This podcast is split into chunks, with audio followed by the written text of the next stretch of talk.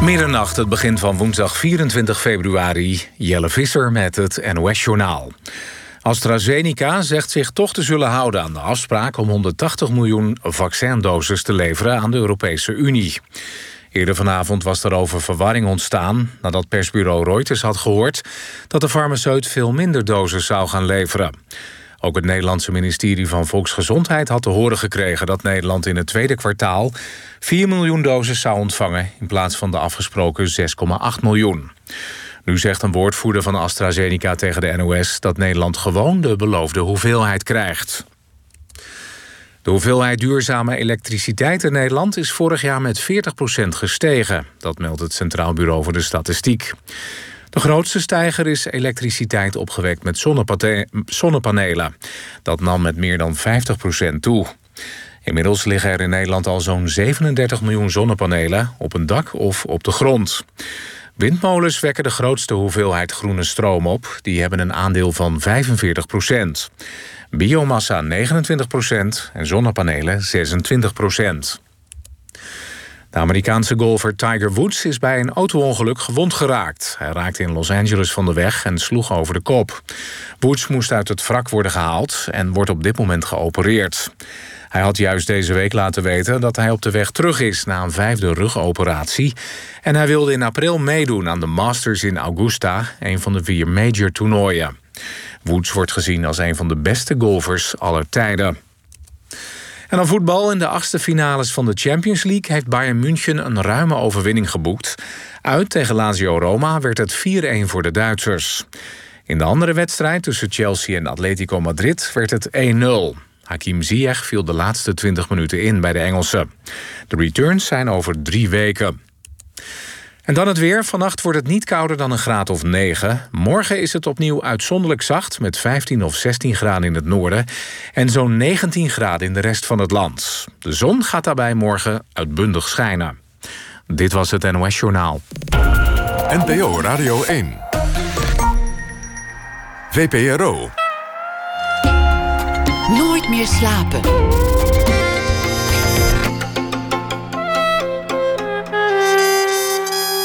Met Pieter van der Wielen. Goedenacht en welkom bij Nooit meer slapen. Hele volksstammen zijn meerdere keren per jaar voor een langere periode verslaafd aan zijn stem. En toch kan mijn gastkomend uur gewoon rustig naar de supermarkt... zonder dat iedereen meteen selfies met hem wil maken. Lang leven de radio. Gio Lippens is hier. Gio Lippens is sportverslaggever voor de NOS. Normaal gesproken begint nu in deze tijd van het jaar... voor hem het seizoen van alle grote wielerrondes. De Ronde van Vlaanderen, die van Spanje, de Giro... Luik-Bastenaken, Luik, Parijs, Roubaix... de Ronde van Emmen, die van Putten, die van Oostvormen... en niet te vergeten die van Weesp. Leven uit een koffer, elke nacht op pad, een andere stek om te slapen en dagenlang op de brommer achter de renners aan. En waar een renner sterke benen moet hebben, heeft de verslaggever de kracht van het woord als wapen. Spoken word. Eigenlijk heb ik een voordragskunstenaar te gast. Vorig jaar, toen de lockdown nog intelligent werd genoemd, kwam dat hele circus plots tot stilstand. En toen was er tijd om de boel eens te overdenken. En dat deed hij samen met een Vlaamse collega, José de Kouwer. Ze sloegen aan het schrijven. Er was tijd voor bezinning op de sport, op dat circus. En het werd een boek dat iedere wielerfanaat zal aanspreken. Surplas heet het dan ook. Gio Lippens werd geboren in 1958. Welkom. Wow, wat een entree. Wat, wat was dat voor moment eigenlijk? Dat je dan. Want hoeveel jaar heb je dat gedaan? Dat, dat circus elk jaar? Voor je tot stilstand Eigenlijk vanaf 1993, met een paar uitzonderingen. Want ik ben een paar jaar heb ik in de hoofdredactie gezeten bij de NOS. Dus toen dacht ik ineens dat leidinggeven ook een heel leuk vak was. Uh, daar ben ik op teruggekomen. Gio, dat hoofdstuk gaan we gewoon lekker niet bespreken. Weet je waarom? Vind dat ik heel goed gaan... hoor. Omdat het zo vaak besproken is. Omdat, omdat, omdat ik merk dat als mensen jou interviewen dat ze daarover gaan hebben. En dat jij er eigenlijk helemaal niet zoveel interessants over te vertellen hebt. Dus, nee, want het, was een jaartje geleden. en inderdaad, uh, dat was En het, is een beetje bestuurlijk en het interesseert me eigenlijk ook helemaal niks. Heel erg goed. Ik vind het fijn. Want mijn passie ligt dus echt bij ja, het, het, het, met de poten in de modder staan. En het, is ook helemaal niet een schandaal voordat mensen denken dat hier om de hete brei heen wordt gedraaid. Dat was het allemaal niet, joh. Nee. Het ging allemaal nergens over. Iemand probeert eens wat en uh, nou ja, het werkt of het werkt Heel niet. goed. En door. Oké, okay. hebben we het er toch Perfecte over analyse, gewoon meteen klaar. Je was trouwens net wel een mooie ronde vergeten. De ronde van de hoerenloper. Welke is dat dan? In Rotterdam, op Katendrecht. Echt waar, bestaat die? Ja, dat, wat, dat, dat, Wilfred de Jong, die we zojuist even weg zagen lopen bij het oog... die heeft er ook aan meegedaan. En dat was dan een ronde waar een aantal mensen voor werd uitgenodigd. En inderdaad, je hebt daar een brug tussen ja, een deel van Rotterdam en Katendrecht. Dat heet de Hoerenloper. En dat was dus de ronde van de Hoerenloper. Vind ik echt de mooiste ronde waar ik ooit heb mee gefietst. Oh, dus ja, ik mocht die, naam, die naam staat op de brug en niet op de mensen die meedoen. De prijzen werden uitgereikt door een oude hoer. En uh, een letterlijke oude hoer. Die zich ook als zodanig had uitgedost. Dus dat was wel echt uh, een spektakel. Dat, voor, voor we ingaan op die openingsvraag die ik net stelde, die, die ik nog niet vergeten ben dat, dat is eigenlijk wel iets wat aan de wielersport een beetje kleeft. Het is helemaal geen chique sport. Het is helemaal niet iets voor nette mensen. De wielersport, dat, dat is wel het domein van uh, kruimeldieven. Het volk. Van, van het grauw, van het volk, van boeren. Het is gewoon wie kan fietsen. Ja, mijnwerkers, hè, vroeger in Zuid-Limburg. Mijnwerkers hadden daar een competitie onderling. Die, die, die, die knokten daar hun wedstrijden, hun wielerwedstrijden uit. Uh, ja, ter ere van de mijn. Mijn vader heeft daar nog aan meegedaan. Dus dat, dat, dat, is, toch, dat is toch het mooie van, van die sport, dat het daar vandaan komt. Dat is ook trouwens iets dat in je roman min of meer terugkwam. Klopt, mijn vader heeft daar wel model voor gestaan. Mijn vader heeft ooit uh, zijn beide armen gebroken in een, uh, in een koers, in zo'n mijnwerkerskoers. Toen kwam zijn moeder erachter dat hij koerste, dus mijn oma. Um, en toen was het ook afgelopen meteen. Toen mocht hij niet meer uh, wedstrijden Die moest er niks van hebben? Nee, die moesten er echt helemaal niks van hebben. Ik denk dat mijn opa stiekem er wel van wist, maar dat hij het allemaal maar een beetje gedoogde. maar dat was het einde van zijn carrière. En daar heb ik het eigenlijk een beetje op gebaseerd, die roman. Maar de vaderfiguur in die roman, halverwege de heuvel... is een totaal ander mens dan mijn vader. Want ik kan me nog herinneren de presentatie van het boek in Maastricht... in een prachtige boekhandel in zo'n kerk. En er zaten allemaal mensen... En die keken allemaal naar mijn vader. En mijn vader was toen ook al wat breekbaar. Een beetje oude man met een rollator. En die keken hem allemaal aan. Zo, is dat nou die verschrikkelijke man? Dus dat heb ik maar meteen even ontzenuwd daar... Uh, dat is ook alweer een tijdje terug, 2012. Ja, uh, lang geleden al. Je, roman. En halverwege de heuvel, dat is ook gewoon de plek waar je opgroeide. Ja, ik ben inderdaad in Hoensbroek, uh, halverwege de heuvel. Een huis dat precies halverwege de heuvel stond. Maar het model voor het huis in het boek is het huis van mijn opa en oma. Een wit huis, echt zo'n typisch Limburgs huis. Halverwege een heuvel ook.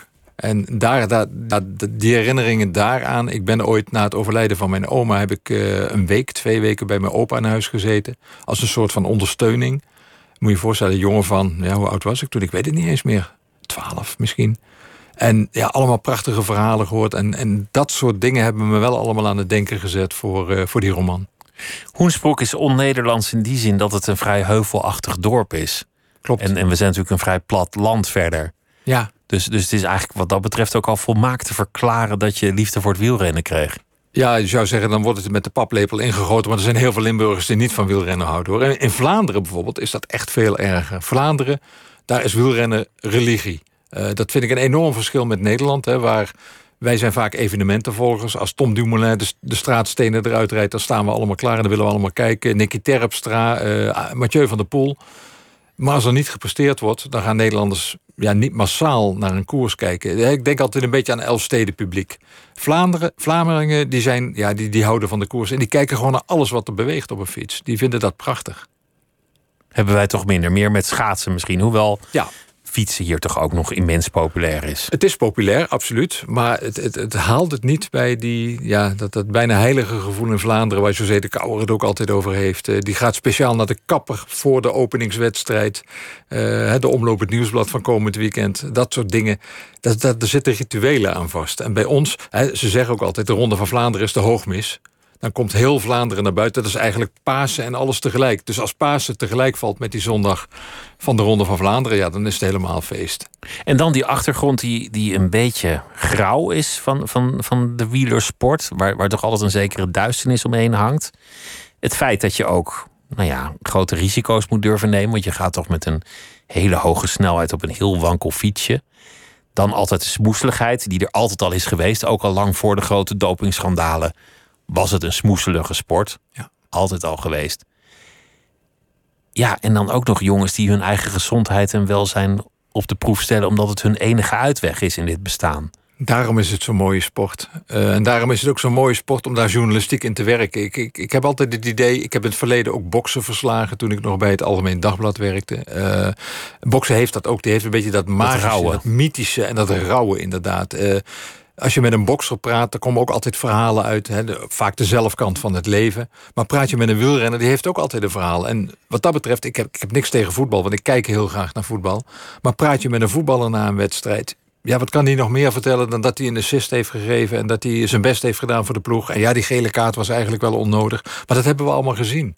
Ik wil juist de verhalen horen van mensen, met name van wielrenners en vroeger ook van boksers, die ik niet heb gezien. He, de, de, de, beetje de, de, ja, de romantiek die erachter zit. De verhalen, maar, maar het is ook zwijgzaamheid. Jouw roman ging eigenlijk over alles wat er niet verteld wordt. Het ging over zwijgen. Die vader was een zwijger, inderdaad. En uh, die tyranniseerde zijn zoon. Uh, en dat had alles te maken met trauma's uit het verleden. Uh, uiteindelijk, uh, ja, bedoel, nee, ik zal de plot niet weggeven. Maar in ieder geval, dat had allemaal te maken met trauma's uit het verleden. En die trauma's die zaten ook bij zijn moeder, Anna Maria.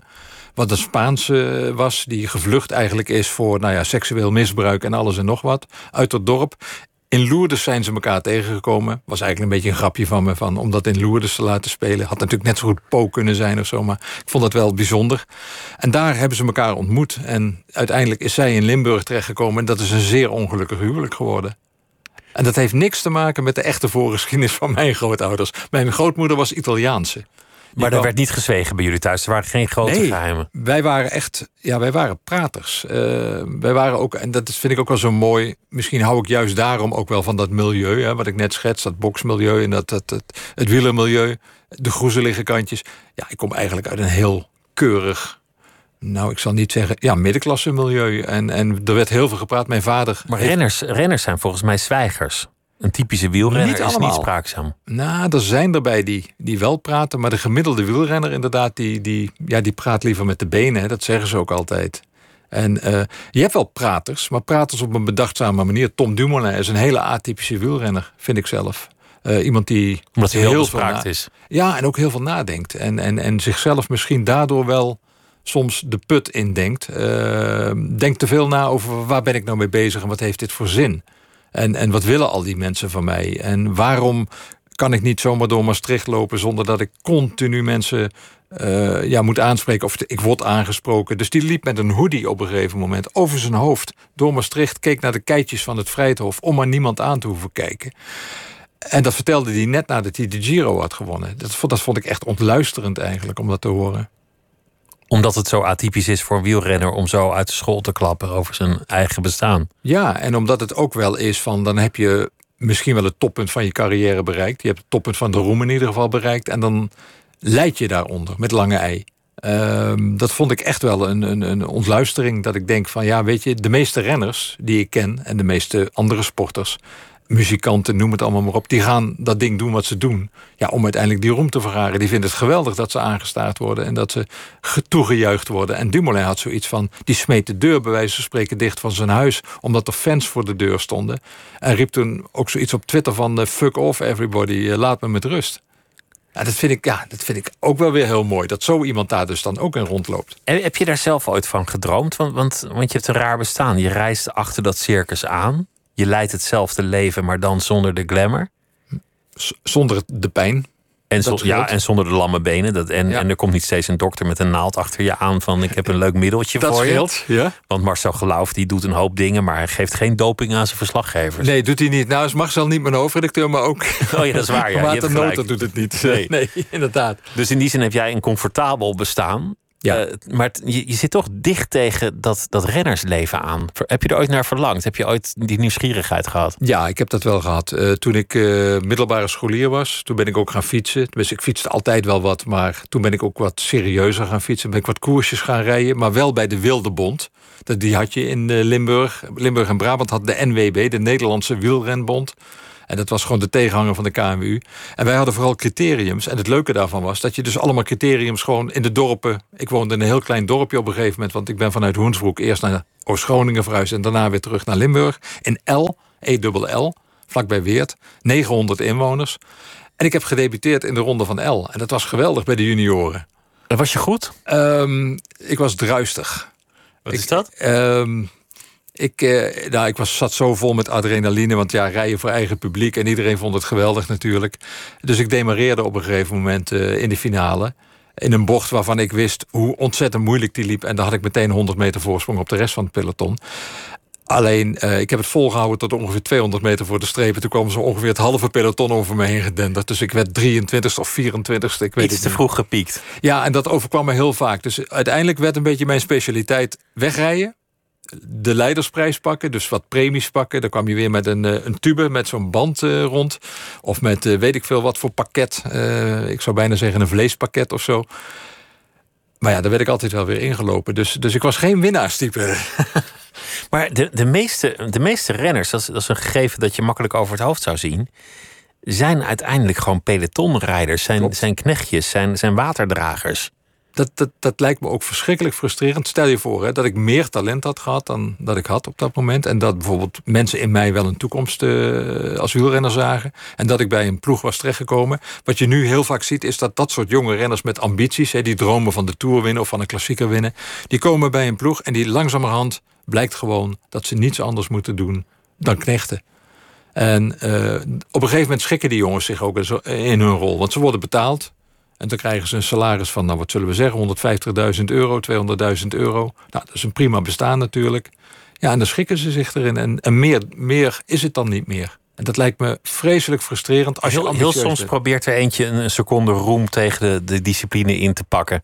Ja, of een criterium te winnen waar het niet mag. Hè? Maar je weet, hè, criteriums wordt afgesproken. Ja, er zijn in het verleden prachtige voorbeelden van renners... die dwars tegen al die stalorders in gewoon dachten van weet je wat, ik ga deze wedstrijd gewoon winnen en uh, zoek het maar uit. Probeer me maar bij te halen.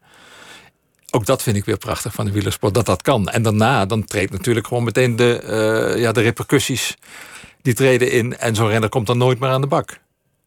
Wat was, wat was bij jou het moment dat je dacht: oké, dit is eigenlijk niet mijn talent, of, of het gaat niet gebeuren, ik moet een andere toekomst? het moment dat ik uh, ging studeren. Uh, ik, ik, ik, ja, ik zou gaan studeren in Leuven, in uh, België. Uh, ik zou Oosterse filologie gaan studeren. Dus een beetje, ik was heel erg talig. Dus dat is, uh, ja, ja, wat is het? Japans, Chinees, Koreaans, dat soort dingen. Dat, dat trok me aan met het idee, want dat heb ik heel, heel lang al gehad. Had ik al op de middelbare school, om ooit in de journalistiek terecht te komen. Dus ik denk als correspondent of zoiets. Ik wilde reizen, ik wilde weg. Ik, um, alleen een vriendinnetje van mij die ging naar Nijmegen. Die ging medicijnen studeren en ja, toen bedacht ik me in juli, terwijl ik dus al ingeschreven stond in Leuven... en we hadden zelfs al gezocht naar een kot daar, mijn vader en ik. En toen heb ik mijn ouders gezegd, joh, ik ga naar eh, Nijmegen, ik ga wat anders doen. Ja, maar wat ga je dan studeren? Ja, weet ik niet. Uh, en ik had een pretpakket, uh, talenpakket op de middelbare school, op het Atheneum. En toen ben ik, toen ben ik rechten gaan studeren. En daarna een half jaar achtergekomen van, nou, dat dit was de foutste keuze ooit. Maar toen heb ik dus wel het fietsen gewoon laten zitten voor wat het was. Maar mijn ouders hadden wel een beetje zeg maar, de opvatting van...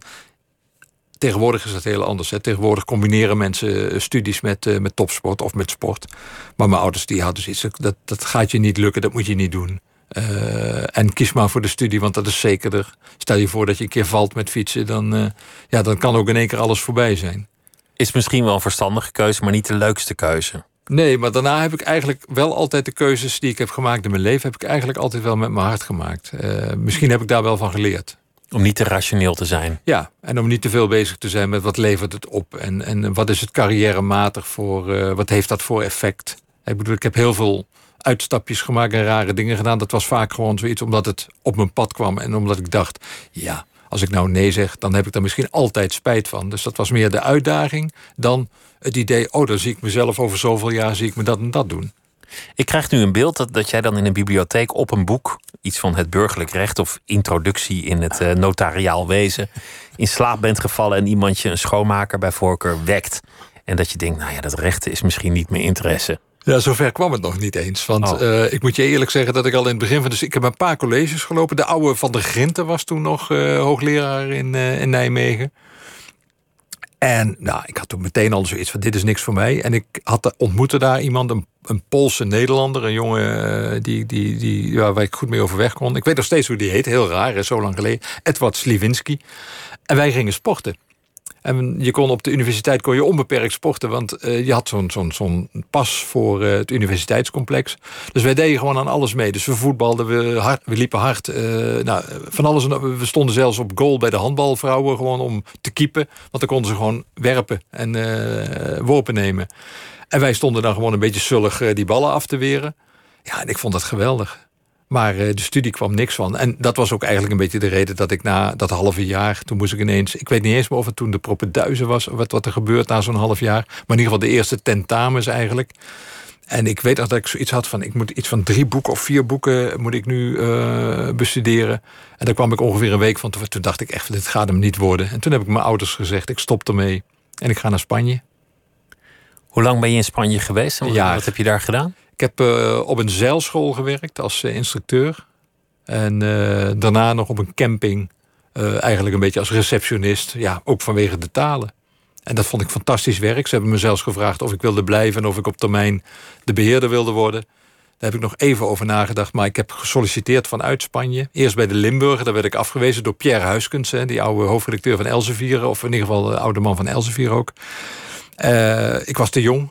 En ook weer te druistig. Dus eh, ze hadden nog zoiets van... nee, ga jij nog maar eerst even rijpen. En toen kwam ik bij de Brabantpers in eh, Den, Bosch. Maar ze zaten in Tilburg, in het gebouw van het Nieuwsblad van het Zuiden. kwam ik in een opleidingje terecht van twaalf man. Voorloper op- van de school voor journalistiek.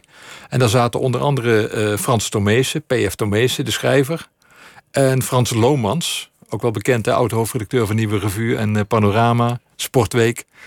Ja, dus wij, en, ja, wij drieën waren goed bevriend met elkaar. We waren een beetje de outcast eh, van, eh, van die opleiding.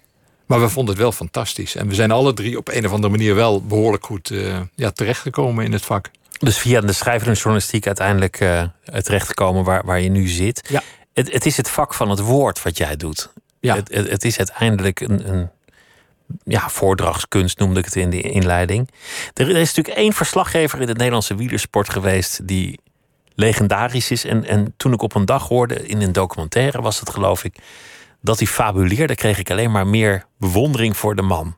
Theo Komen. Ja. Die zat op de, op de motorfiets en dan heel vaak gebeurde er eigenlijk gewoon een tijdje helemaal niks. En dat heeft hij later ook gewoon toegegeven. TV was er niet, dus Nee. mensen konden niet zo goed controleren wat, wat er nou echt aan de hand was. Dan verzon hij gewoon, oh hij gaat vallen. Oh nee, oh nee, hij gaat vallen. Klopt. Hij heeft zelfs een eindsprint ooit eens een keer overgedaan omdat hij te laat kwam. Er was iets gebeurd met de auto's, hadden een ongelukje gehad. En hij kwam dus na de finish kwam die aan. Maar toen legden ze dus de verbinding en toen heeft hij gewoon de finish als live gedaan. En dan hoorde je op de achtergrond hoorde je klonk klonk van dat ze de hekken aan het afbreken waren. Dus Dat Maar- gaf hem weg. dat geeft wel aan van hoe beeldend die man het verhaal kon vertellen. La- Laten we luisteren naar een fragment van hem. Ook om een beetje duidelijk te maken wat voor vak dat eigenlijk is dat, dat jij bedrijft.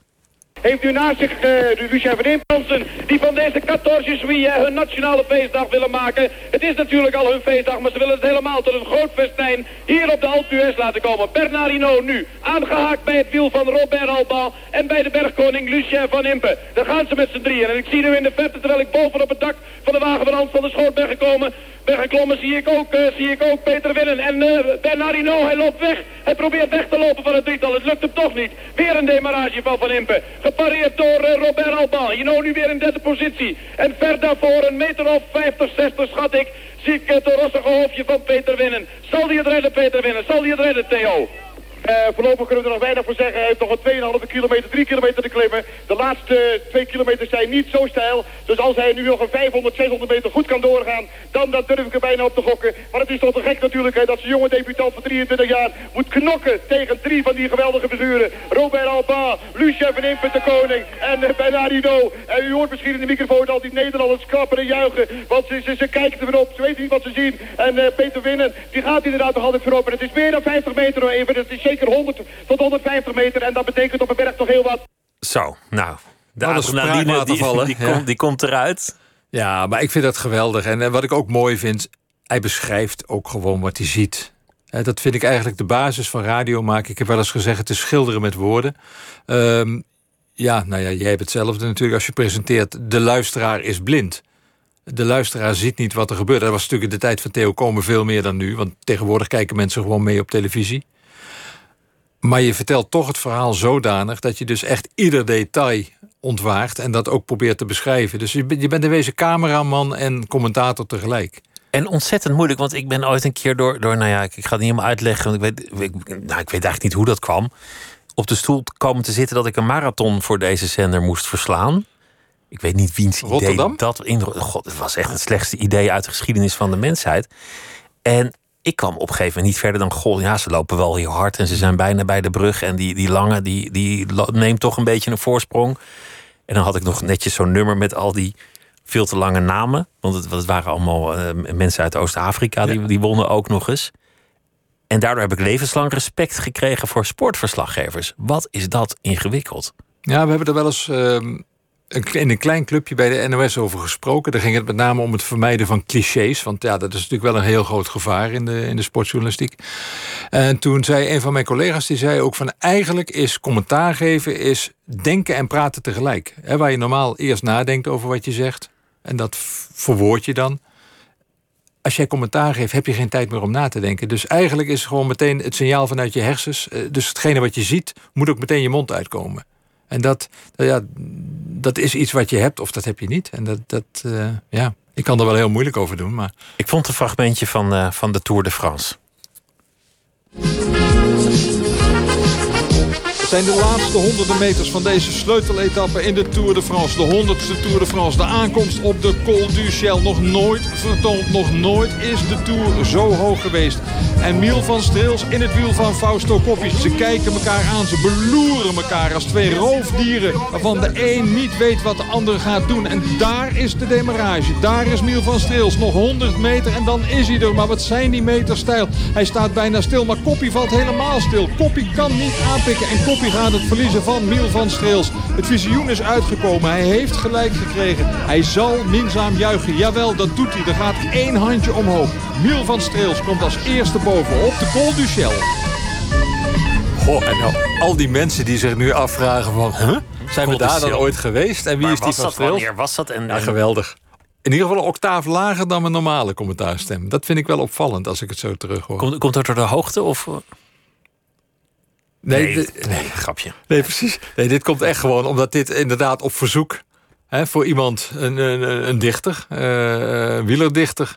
Die, eh, waarvoor ik inderdaad zo'n zo'n zo'n mandje heb ingesproken. En dan merk je toch gewoon dat het niet live is. Dat het dus niet Dit om is, dit is eigenlijk, eh, ja, dat, dat hoor je eigenlijk. Want Ja, dat hoor ik zelfs nu. Ja. Wat, wat grappig. Beschrijf eens als het helemaal echt is wat het gevoel is als je op die, op die motor zit. Ja, ik, ik- om even voor de duidelijkheid. Hè, ik heb acht jaar op de motor gezeten. Hè, en ik zit sinds 2008. Jacques Chapelle was natuurlijk de man die altijd de finish deed. En ik zit sinds 2008 echt op de finish. Dus, eh, maar op de motor, ja, dat is het mooiste wat je kunt doen als, eh, als, als wielerverslaggever. Sebastian Timmerman doet dat tegenwoordig. En ik ben nog steeds, iedere dag ben ik jaloers op hem. Maar aan de andere kant weet ik ook wel waarom ik gekozen heb voor eh, de finish. Maar op de motor, ja, je ruikt de koers, je voelt de kou, je voelt de wind. Eh, je rijdt meestal net voor een peloton of achter een kopgroep aan. Ik heb wel eens gewoon tussen het peloton gereden dat we er voorbij moesten. En dat ik Alexander Vinokourov zag met een, met een enorm gat in zijn knie, want die was net gevallen. Ja, bedoel, dan, dan, dan voel je de pijn ook van zo'n renner. En ja, dat maak je natuurlijk niet mee als je naar een monitor kijkt en eh, op afstand eh, in de Tour, zelfs op de finish, eh, je verslag doet. Want soms is het ook gewoon vanuit de gangkast hier in, in Hilversum. Sterker nog, we hebben de hele afgelopen tour eh, vanwege corona heeft de hoofdredactie besloten van nee jongens, we gaan niet naar Frankrijk en dat is de billijke.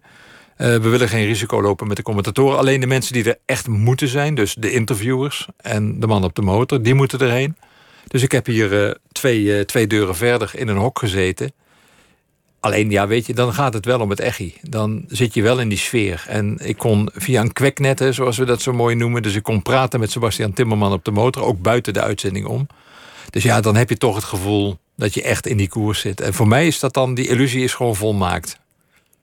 Laten we dan maar even gaan praten eh, over dat afgelopen jaar en over de, de gevreesde ziekte COVID en wat dat allemaal gedaan heeft met het wielrennen. Surplus heet het boek. Gio Lippens zit tegenover mij voor wie net eh, wakker wordt. En eh, José de Kouwer was zijn mede-auteur. Ja, dat was dat moment dat je tot stilstand kwam. Dus, dus je hebt eigenlijk zo'n vast jaar met al die rondes die je doet, al die wedstrijden, best wel hectisch.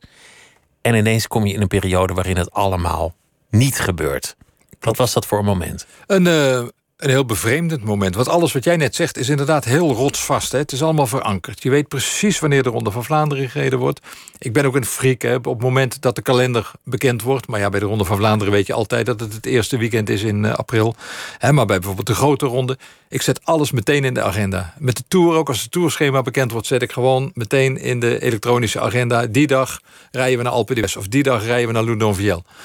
Dus dat, dat zijn gewoon, ja, ik weet niet, daar hou ik me aan vast. Dat vind ik heerlijk. Uh, leven zeg maar van, van dag tot dag, maar dan wel met dat vooruitzicht van, ah ja, maar morgen dan krijgen we dat. En overmorgen krijgen we dat. En dat valt ineens totaal weg. Hè, want ik deed Parijs-Nice voor tv, samen met Maarten Ducro en uh, Stef Clement. En we zaten nog in Nederland. Nou, het was al duidelijk van dat de ene na de andere wedstrijd er al uitgegooid werd. Alleen die gekke Fransen die lieten die wedstrijd doorgaan. En uh, we zouden naar Nice gaan voor de laatste twee etappes. En ik was hartstikke kwaad dat de hoofdredactie besloot van... nee, we gaan niet naar Nice. Dat werd op het laatste moment afgeblazen. Want ik zei van, ik ben journalist, ik wil daar zijn. Want het is geen Syrië, het is geen Irak, hoezo gevaar? Uh, maar goed, we gingen dus niet. En dan valt dus, daarna valt alles weg. En in één keer is er geen seizoen. Ja, en gelukkig is er wel werk te doen bij de NOS. Maar ik dacht wel bij mezelf van, ja, potverdorie... Uh, ik wil iets doen. Ik wil iets, ook iets nuttigs doen. Dus ik dacht eerst van, nou, ik zat toevallig op de taxi. Ik ben een beetje een binnenfietser. Uh, en ik reed uh, de Mont Ventoux op. En ik dacht, van, verdorie, ik kan nu wel heel hard gaan trainen... en dan een beetje conditie krijgen. Ja, en dan? Ik ben 62 en wat heb ik daaraan? Of toen was ik 61. Dus dat, dat, en ik had heel veel boeken nog liggen waarvan ik dacht van ja, de boekenkast staat vol met mooie boeken die ik nog wil lezen. Schuldstapel weglezen. Kortom, ook dat heb ik niet gedaan. Maar ik denk, ja, dat is vakantiewerk. Snap je? Dat is niet iets wat je doet op het moment dat je eigenlijk wil werken. Nou ja, en toen bedacht ik van, goh, ik ga een dagboek bijhouden. Gewoon eerst voor mezelf. Dat werd gaandeweg in de week, dacht ik van, nou, wie weet, misschien kan ik er toch wel een uitgever voor vinden. Ik ben ook even wat hoofdstukken gaan schrijven alvast. Want het was na de omloop het nieuwsblad. En daar begint het boek eigenlijk een beetje. Dus ik ben dat alvast gaan schrijven. En toen dacht ik ineens van, ik, ik wil gewoon iemand hebben van een totaal andere wereld. Hè, in Vlaanderen, dus totaal andere wielercultuur. Iemand die gepokt en gemazeld is in het wielrennen. Hè, die wielrenner is geweest, ploegleider met Greg LeMond de Tour gewonnen. Uh, ja, eh, met, met Tom Bonen wereldkampioen geworden. Gewoon iemand die echt alles weet van wielrennen. Een echte insider. Daar wil ik dat boek mee schrijven. Nou, en ik belde José de Kouwer op. En tot mijn grote verbazing, het eerste wat hij zei is... ja, dat doen we. Het, het werd eigenlijk een bezinning op waar die wielersport staat. Een vraag die je misschien, als je er middenin zit, gek genoeg nooit stelt. Nee, klopt. Omdat je dan bezig bent met nou ja, de volgende ronde en wie gaat winnen en al dat soort dingen. Alles draait maar door. Hè? En uh, ik heb ook bijvoorbeeld gemerkt, uh, wielrenners, die normaal gesproken best toegankelijke sporters zijn, in tegenstelling tot vaak uh, voetballers. alleen, wanneer spreek je ze? Je spreekt ze tijdens de ploegenpresentatie, dan hebben ze wel wat meer tijd. Maar meestal bij een wedstrijd is het bij de start komen ze uit de bus, hebben ze minuutjes om het uh, startveld te tekenen. En dan vraag je, ja, hoe is het met je? En uh, hoe zijn de benen? Dat soort onzinnige vragen eigenlijk. Maar verder kom je nooit. En nu had ik ineens de tijd om vanuit mijn eigen huis, via FaceTime... dus geweldig natuurlijk dat het kan... Jan en Alleman te bellen. En ik zat bij Robert Geesing gewoon thuis. Ik zat in zijn. Uh, ik keek met hem mee. Hij liet me zien. Op zijn dakterras met sneeuw buiten nog in Andorra. Uh, met Greg van Avermaat, die eigenlijk een beetje zich ja, met de ziel onder de arm liep. Met uh, vrouw en twee kindertjes. dus met Tom Dumoulin, die aan het wandelen was met de hond. En eerst gewoon eventjes in de FaceTime-camera keek... en daarna gewoon ding op audio zetten en met de ding aan zijn oor. Je kon iedereen ineens gewoon spreken. Ja, en ze hadden tijd. En ze hadden er ook zin in. Want ook die renners hadden waarschijnlijk hetzelfde gevoel als ik. Van ja, wat nu? Want hard trainen heeft op dat moment geen zin. Omdat je natuurlijk... Je weet niet... De renners wisten niet eens of er nog überhaupt een seizoen zou komen. En als jij in april keihard gaat trainen... terwijl je uiteindelijk pas in augustus in vorm moet zijn... Ja, dat is ook niet goed.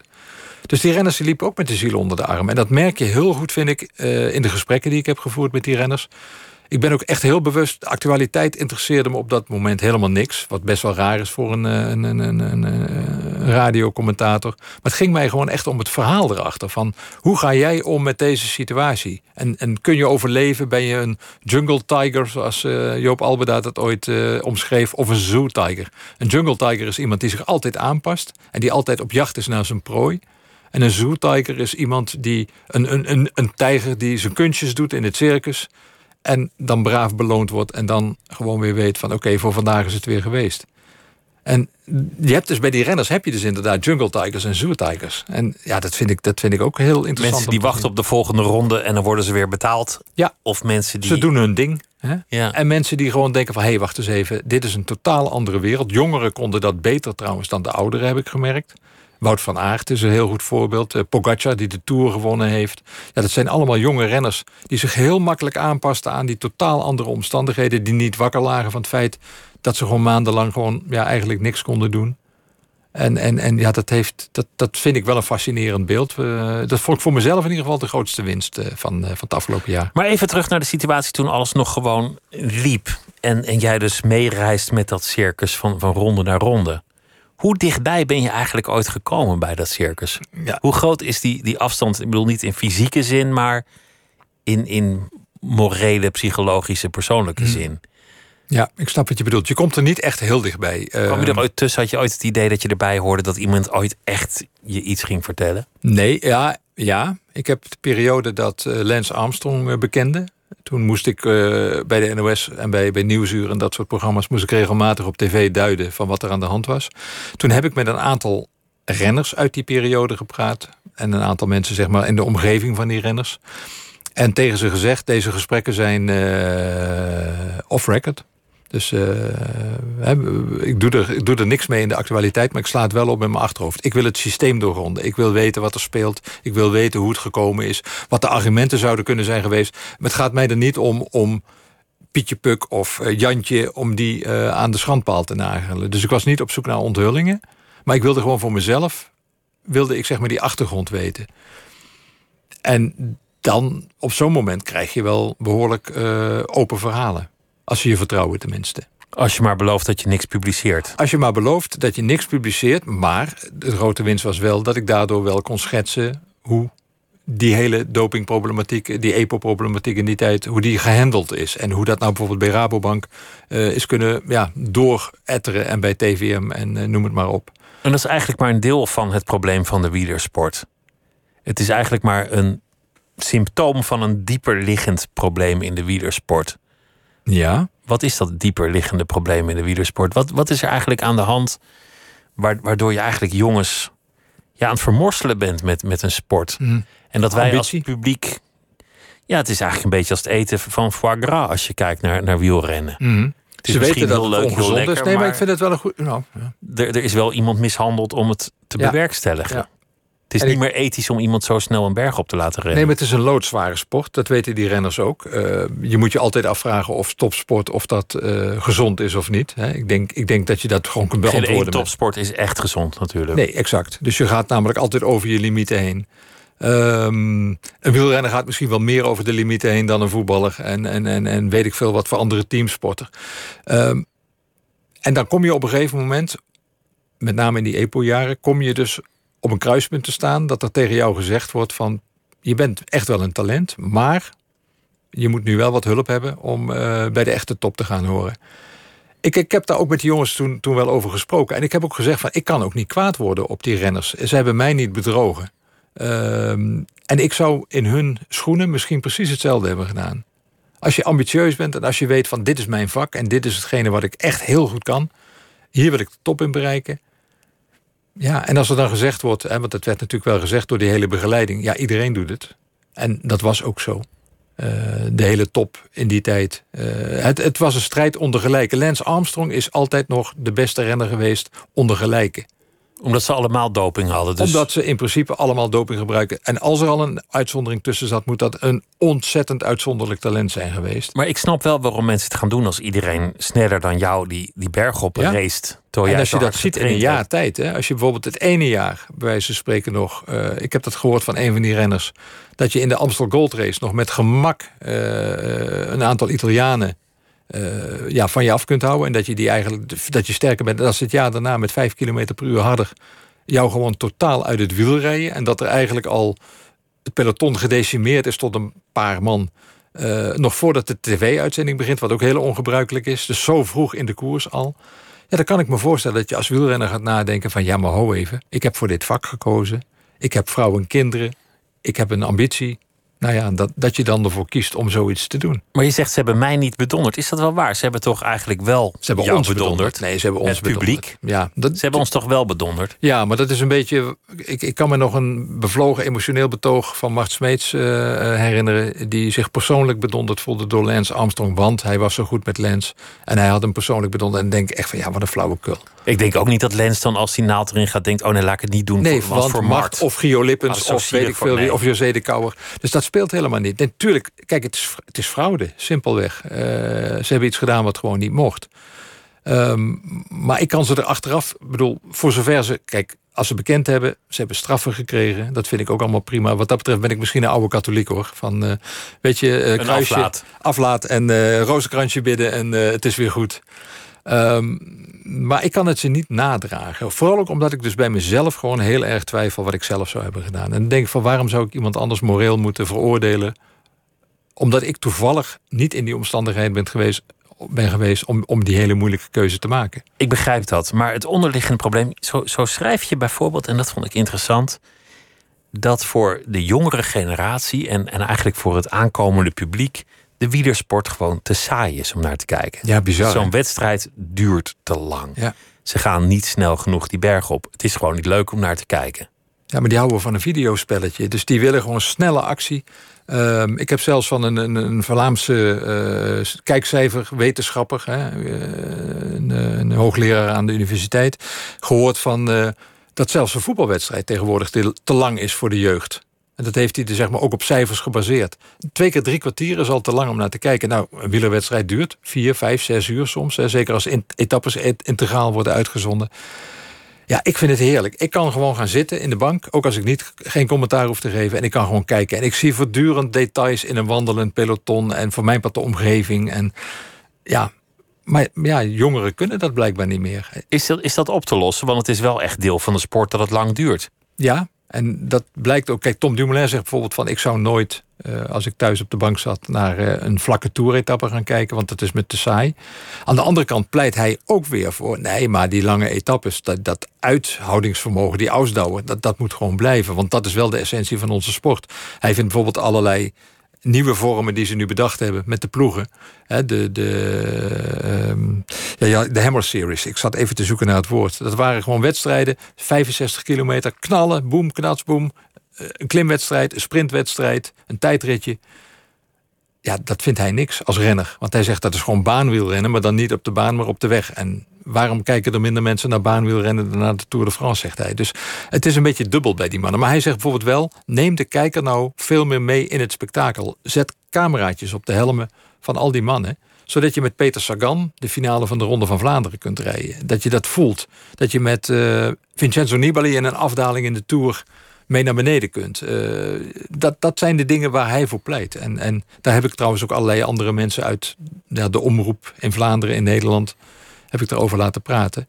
Maar ik zie het niet 1, 2, 3 veranderen. Ik denk wel dat die helmcamera's eraan komen. Ik denk dat het misschien wel meer gaat in de richting van dat kijkers ook interactief erbij betrokken zijn. Tegenwoordig kan alles met virtual reality. Dus dat je bij wijze van spreken meefietst op je eigen tax met een, een, een, een eh, televisiescherm voor je neus. Dat je bij spreken deel uitmaakt van het peloton.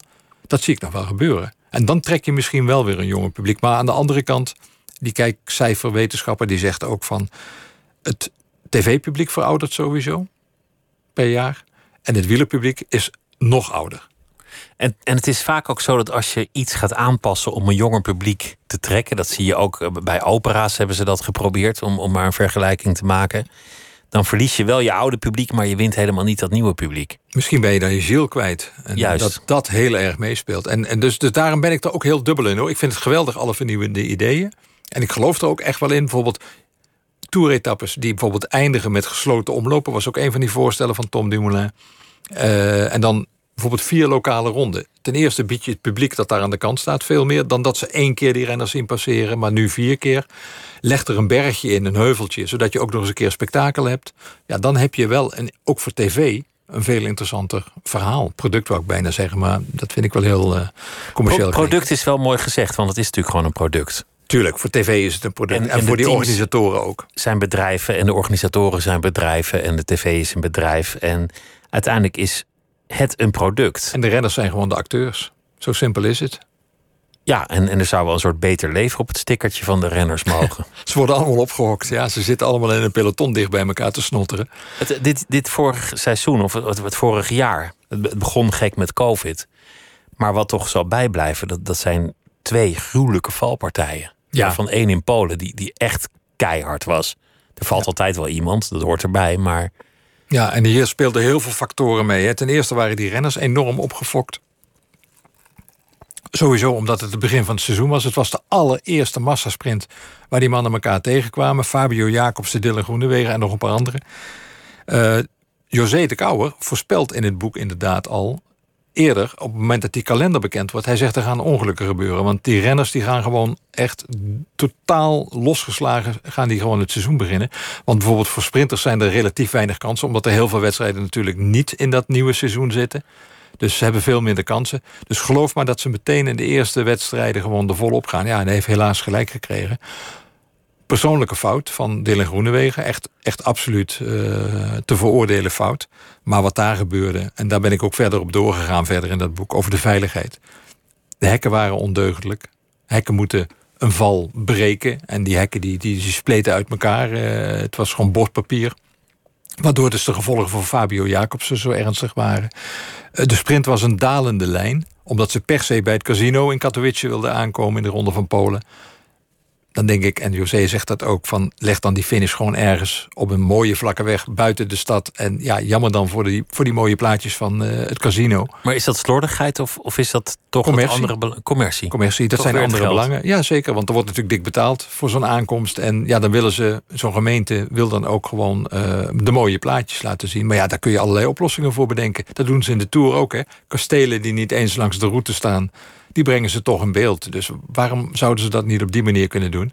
Dus ik vind dat een organisatie daar ook een hele zware verantwoordelijkheid heeft in de gevolgen van die val. En daarmee dus ook meteen de wielerunie, die die organisatie gewoon geen strobreedte in de weg legt.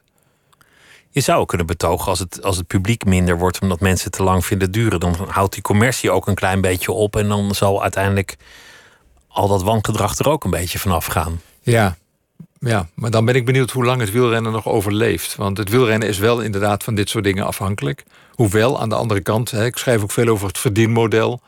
Dat het grote geld eigenlijk naar de ASO gaat. Dat is de organisatie van de Tour de France. Die pakken echt uh, nou, bijna 100 miljoen hè, winst per jaar met de Tour de France. Daar gaat niks van naar de ploegen. Ja, een habbekrats aan premies voor, uh, voor de winnaar van de Tour. En voor de etappenwinnaars. Maar zet dat eens af tegen tennis en tegen voetbal, tegen de Champions League. Dat is echt peanuts. Dus daar zijn die ploegen natuurlijk heel erg mee bezig. Want ja, die willen uh, een verdienmodel waarbij de ploegen meedelen in de marketing. Zoals in de Formule 1, zoals in de Champions League. Um, en dan krijgen ze gewoon geen poot aan de grond. Want zij zijn voortdurend afhankelijk van sponsoren die na vier jaar zeggen van... jongens, het was leuk, en dan moeten ze weer opnieuw op zoek naar een sponsor. En tot nu toe lukt dat redelijk. Maar mensen als Patrick Lefevre, een van de godvaders in, in België van het wielrennen, de baas van de ploeg van uh, Julian Alaphilippe. Ja, die, die, die, die wordt daar echt doodmoe van. Van iedere keer maar weer het wiel opnieuw moeten uitvinden. Iedere keer maar weer opnieuw moeten zoeken naar een sponsor. En dan blij zijn dat er uiteindelijk iemand zegt: Ik ga voor vier jaar met jou mee. Je noemde net Armstrong uh, als, als de beste renner van zijn generatie. Hij had ook het voordeel dat hij helemaal niet zoveel wedstrijden deed. Nee, klopt. Armstrong andere. focuste zich echt op de toeren. Hij kon, hij kon zich voorbereiden. Hij was nog vers als hij er binnenkwam. Ja. Sommige van die andere jongens die, al, die hadden al net Klopt. drie rondes erop zitten, of, of, wel meer. Maar Froome deed natuurlijk in principe hetzelfde. Hè? Uh, dus echt gewoon focussen op één ronde. Dat is met Armstrong begonnen. Dat was daarvoor. Eddie Merckx, die reed alles. Die reed van het vroege voorjaar tot het late najaar. Iedere koers. En die won dus ook mega veel koersen natuurlijk. Records. Uh, maar dat kon in die tijd blijkbaar. Maar dat kan tegenwoordig niet meer. Je moet je sowieso specialiseren nu. Uh, en, en, en weten van, oké, mijn focus ligt dit jaar op de Tour. En als het niet goed gaat in de Tour, eventueel heb ik een uitwijk naar de Vuelta. En dat betekent dus dat ik dus in de aanloop misschien nog wel een paar klassiekers kan doen. Luik, Bastenaken, Luik, Amstel Gold Race. Betekent misschien dat ik nog een paar mooie voorbereidingskoersen kan doen. Ronde van Zwitserland of de Dauphiné. En dan houdt het gewoon op. Zou dit jaar er eigenlijk nog, uh, nog, nog veel gebeuren, denk je? Het is zo'n gek jaar aan het worden. Ja, maar ik heb wel het idee dat tot nu toe is alles weer verankerd. Dus uh, hè, laten we zeggen, worden de wedstrijden gewoon op de datum gehouden die, uh, ja, die de bedoeling was. En dat betekent dus ook dat die renners weer rekening kunnen houden met die data. En dat betekent dus ook weer dat dus met name die oudere renners... die vorig jaar wat meer problemen hadden met al die switches... en het achterstevoren keren van de klassiekers in, uh, in het najaar. Hè, waar, waar normaal altijd eerst Ronde van Vlaanderen, Parijs-Roubaix... is ook een vast was het precies andersom. De Tour was al gereden toen de klassiekers nog moesten worden gereden. Dus ja, ik kan me voorstellen, sommige renners werden gek daarvan. En die hopen nu dat dat weer eens een keer ja, van het oude is. En dat ze dus weer in hun oorspronkelijke stramien kunnen werken. Jij bent, denk ik, want je had het over zoo tigers of jungle tigers. Denk dat jij wel een jungle uh, tiger bent? Denk het ook wel. Ik, uh, ik heb me altijd. Ik ben heel veel verhuisd in mijn jonge jaren. Uh, wij zijn van Zuid-Limburg naar Oost-Groningen verhuisd toen ik negen was. Nou, dan wordt het accent er ten eerste wel uitgeslagen. En ik heb ook wat teruggeslagen. En ik heb een Letterlijk super... eruit geslagen. Ja, tuurlijk. Je komt er binnen met je zacht geen meteen een mes. Ja hoor, tuurlijk. Van jij, wat ben jij voor iemand? En ik had twee zussen, ja, twee meisjes. Die worden dan toch op een hele andere manier benaderd. Dus, uh, dus ik moest echt van me afbijten. Maar ik heb het daar een heerlijke tijd gehad in Oost-Groningen. Dat een totale andere wereld dan in uh, Limburg. En ik, was, ik baalde echt dat we weer teruggingen naar Limburg. Alleen daar heb ik me ook weer heel snel aangepast. Dus ik denk wel dat ik inderdaad die, die, die jungle tiger ben. Altijd maar weer aanpassen. En dan maar gewoon, nou ja, zoals vorig jaar, commentaar vanuit het hockey hier. Vanuit het bezemkasten, zoals er wel eens oneerbiedig wordt gezegd. En dat ook weer leuk vinden. En het gewoon doen. Ja, precies. En, dan... en niet omkijken. Is dat, is dat een, een kernwaarde in jouw bestaan? Ja, dat heb ik met alles. Loeren. Ja, dat heb ik echt met alles. Uh, door al die verhuizingen. Kijk, je bouwt natuurlijk gewoon vriendschappen op. Op het moment dat je ergens woont, zeker als kind. Ja, en dan ga je na vier jaar of na vijf jaar ga je weer weg. En dan, uh, ik heb daar nooit lang over getreurd. En uh, ik, ik heb gewoon een paar goede vrienden, zeg maar. Ja, uiteindelijk, ja, eigenlijk een beetje van later, vanaf de studietijd. En, en, en, en vanuit het werk en, en dat soort mensen. En die blijven wel. En die zie ik misschien soms maar één keer per jaar, maar dat maakt niet uit. Want uh, dat, dat kan ook vriendschap zijn. Als je elkaar ja, eens in de zoveel tijd een keer ziet. Het is wel interessant wat je zegt, want, want eigenlijk klinkt het ook heel hard. Ik kijk niet om, ik maal er niet om. Als een vriendschap uh, verwatert of eindigt, nou ja, het zal wel, ik ga door. Ja. Maar eigenlijk is dat een heel verstandige mentaliteit. Um, dat is misschien ook wel een deel van het overleven. Zeg maar van de jungle tiger-achtige. Uh, waar, we, waar we in het begin uh, even over spraken. En waar jij terecht van zei, we hoeven het niet over te hebben. Maar zelfs zo'n episode. Dus een, een, een avontuur. Dat, dat je even toetrad tot de hoofdredactie. Ja, dat en... ik even ging leiding geven. Dat heb ik vier jaar in totaal gedaan. En daarna heb ik echt gesmeekt van... mag ik alsjeblieft weer ook met mijn poten gewoon weer in, ja, in de modder gaan staan. Maar dat is wel leerzaam. Dus ik heb daar ook van gehad. Van, ik kijk ook niet terug met wrok op, op zo'n korte tijd. waarin het dan niet zo goed gegaan is. Dan denk ik van nou prima, dat, dat heeft me ook gevormd. En ik ben daar wijzer van geworden. En uh, dat heb ik eigenlijk. Ja, ik, laten we zeggen, ik heb een uh, mislukt huwelijk achter de rug. Hoewel mislukt. Als je 25 jaar getrouwd bent. Is het niet helemaal mislukt? Nee hoor. En twee nee. kinderen eruit. Uh, dus ik bedoel, dan, dan, is het zeer gelukt. Snap je? En zo kijk ik er ook echt maar op een, terug. een gestrand huwelijk is het dan dat wel? vond ik het betere woord, ja. En dan, en dan kijk je toch niet om als het voorbij is? Nee. Nee. En ik moet zeggen dat ik daar. Nee, ik heb daar geen moeite mee. En ik word ook niet door anderen daarin teruggetrokken. Dus het is ook niet zo dat mijn kinderen nu bijvoorbeeld daar enorm veel behoefte aan hebben om me daar weer in terug te trekken in die tijd. En eh, van papa, maar hoe was dat toen? En uh, nee, die zijn blij dat mijn ex inmiddels alweer gelukkig getrouwd is. Dat ik alweer gelukkig getrouwd ben. Weet je, dat, dat vind ik wel het mooie van het leven. En ook, ook alweer een lange relatie. Dus ja. Zo vluchtig is het allemaal niet. Nee, nee, nee, nee, nee. Als het er zes, zeven achter elkaar zouden zijn geweest, dan had ik misschien moeten nadenken bij mezelf van, goh, heb ik het wel zo goed aangepakt? Maar nee. Nou ja, zelfs dan trouwens. Ja, precies. Kan, ik vind ook dat iedereen dat inderdaad helemaal ja. lekker voor zichzelf moet weten. Hoor. Hoort ook bij wielrennen niet omkijken. Want als je in, in zo'n -hmm. wielerkoers omkijkt, dan val je. Ik roep het wel eens. Uh, van kijk nou niet om. Als iemand inderdaad alleen op weg gaat naar de finish, maar toch een beetje nerveus is van, oh, zitten ze me op de hielen, pakken ze me terug. Je kunt vallen. Maar je kunt natuurlijk ook gewoon tempo verliezen... doordat je omkijkt en net even niet uh, hard genoeg doortrapt. En, en, je bent niet geconcentreerd op het moment nee. dat je omkijkt. Nee, dus ik vind inderdaad altijd maar door. En ja, dat omkijken dat gebeurt pas over vier jaar, Pieter. Dat, uh, op het moment dat ik stop met, uh, met werken... want ik ben ja, bijna 63, dus 67, dan houdt het echt op, denk ik. Dan ga ik misschien eens omkijken. En dan met name gewoon genieten van dingen die ik, ja, die, die ik leuk heb gevonden... die ik gedaan heb. Want het... Ja, dat zit ook wel een beetje in mijn karakter. Ik kan wel genieten van de dingen die ik gedaan heb. Ja, nu heb je omgekeken in dit boek, maar, maar meestal doe je het niet. Het is een beetje als Orpheus. Hè? Je mag, je mag uh, de onderwereld wel verlaten onder één voorwaarde. Niet omkijken. Niet omkijken. nou, de hoofdredactie van de NOS is ook een soort onderwereld, vermoed ik, in, in dat opzicht. Oh, ja, nou, nou. Dat, ja. Zo stel ik bij de onderwereld voor. Heel veel vergaderingen. Hades, ja. Nou ja, we, we dwalen weer hopeloos af.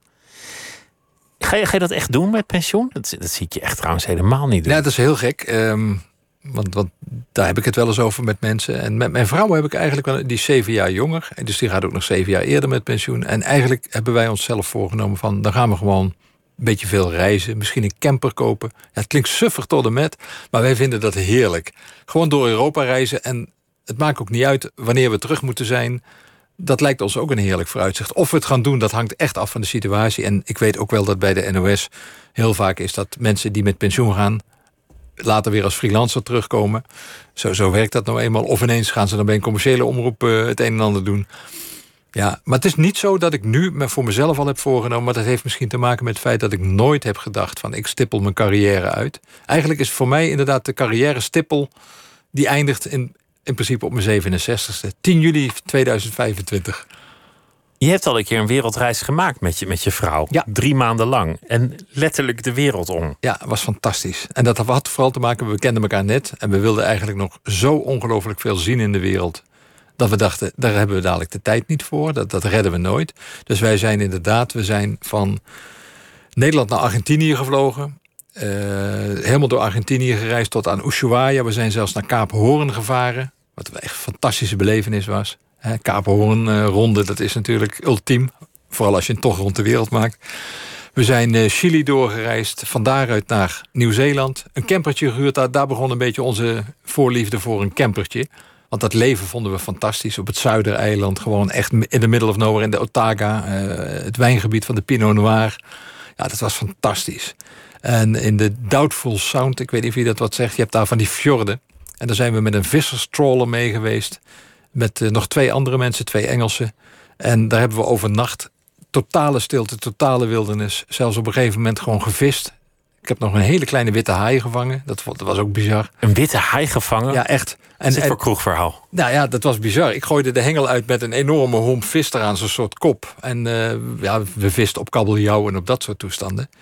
En uh, ineens, dat, die punt van die hengel die slaat naar beneden. En uh, die schipper die zegt, it's a, it's a shark. En ik zeg, ja dag, het zal wel. Nou, en uh, een half uurtje later, want zo lang duurde het voordat hij uiteindelijk... Ik maak nou zo van die bewegingen dat je... je ja, dat je dat zo'n zo, zo, zo, zo vis naar binnen probeert te trekken. Nou, en toen ik zag dat het een haaitje was... Het, het, het, was een kleintje hoor, ik denk 75 centimeter, misschien een metertje. Toen heb ik echt de hengel aan hem gegeven. Zo van, nou, ik ga hem niet binnenhalen, succes ermee. En dat was prachtig. Dus toen waren we dus in Nieuw-Zeeland. En daarna zijn we in Australië, in Sydney. En daar zijn we in een huis gaan wonen. Dus niet in een toeristengebied, maar gewoon aan een bay, Mossman Bay. Dus eigenlijk tegenover uh, Circular Quay, hè, dus uh, waar alles gebeurt daar. Waar de drukte is. We zaten aan de ferry ook daar. Dus was ideaal. Binnen vijf minuten, tien minuten was je in de stad. Ja, en we hebben daar fantastisch geleefd. Dus we hebben een fantastische tijd gehad. En toen schreef je toch in je, in je reisblog aan het eind...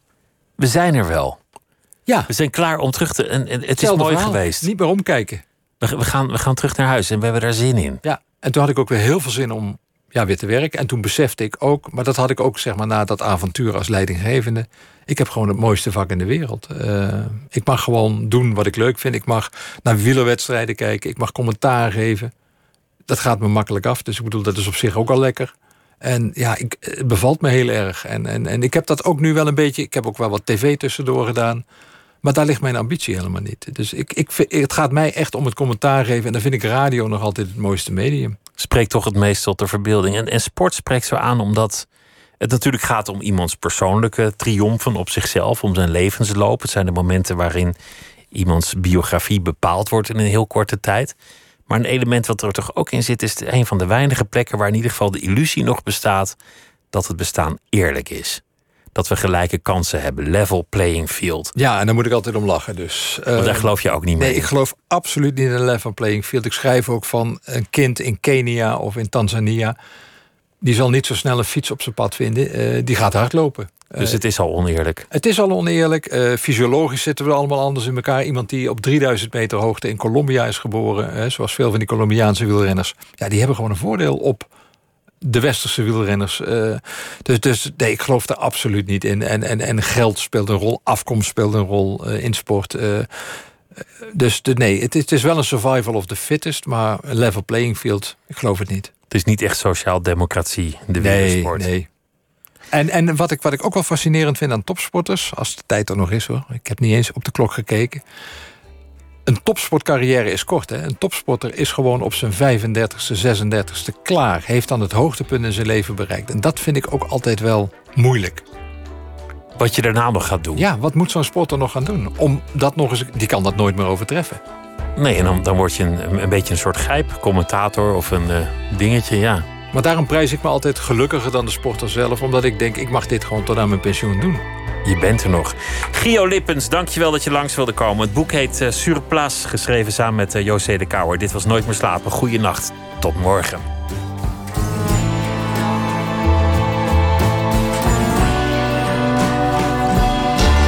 Op Radio 1, het nieuws van alle kanten.